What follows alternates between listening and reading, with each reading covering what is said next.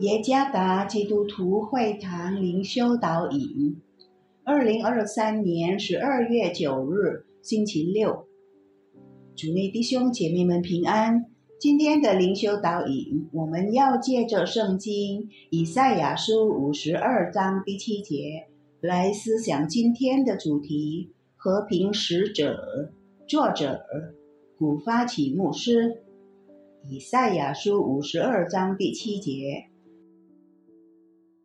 那报佳音、传平安、报好信、传救恩的，对西安说：“你的神做完了。”这人的脚登山何等佳美！看到天使向以法他野地的牧羊人报好消息，真是令人惊讶。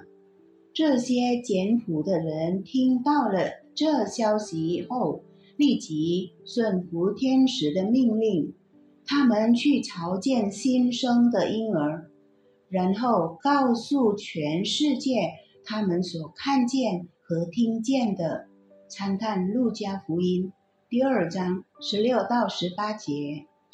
我有时会问：为什么上帝没有继续不断的差遣他的天使？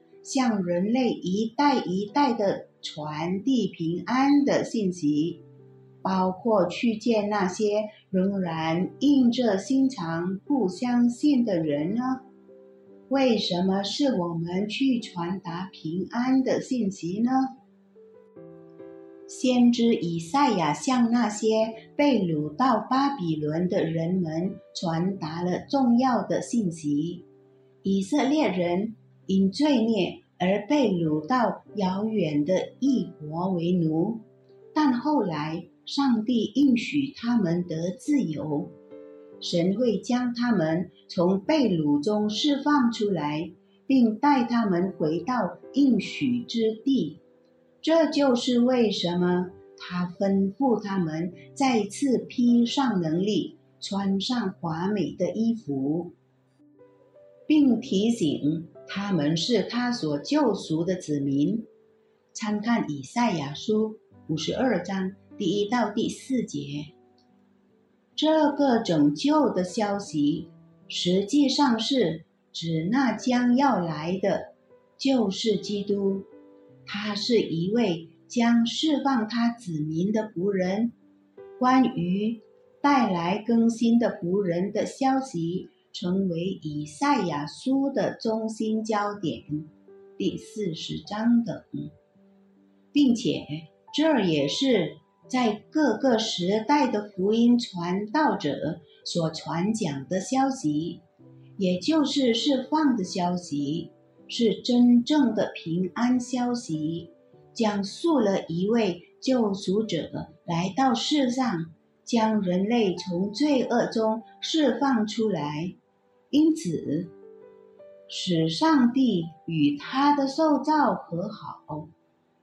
当福音传播者将平安的消息带给世界时，是多么美好而奇妙的事情！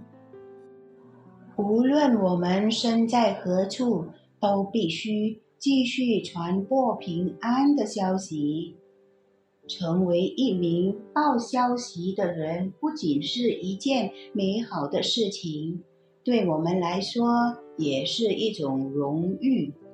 上帝本可以指派天上的受造来做这件事，但他没有这么做。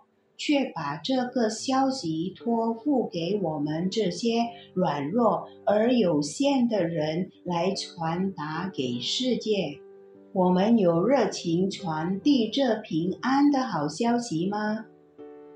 我们还在向世界传播平安的好消息吗？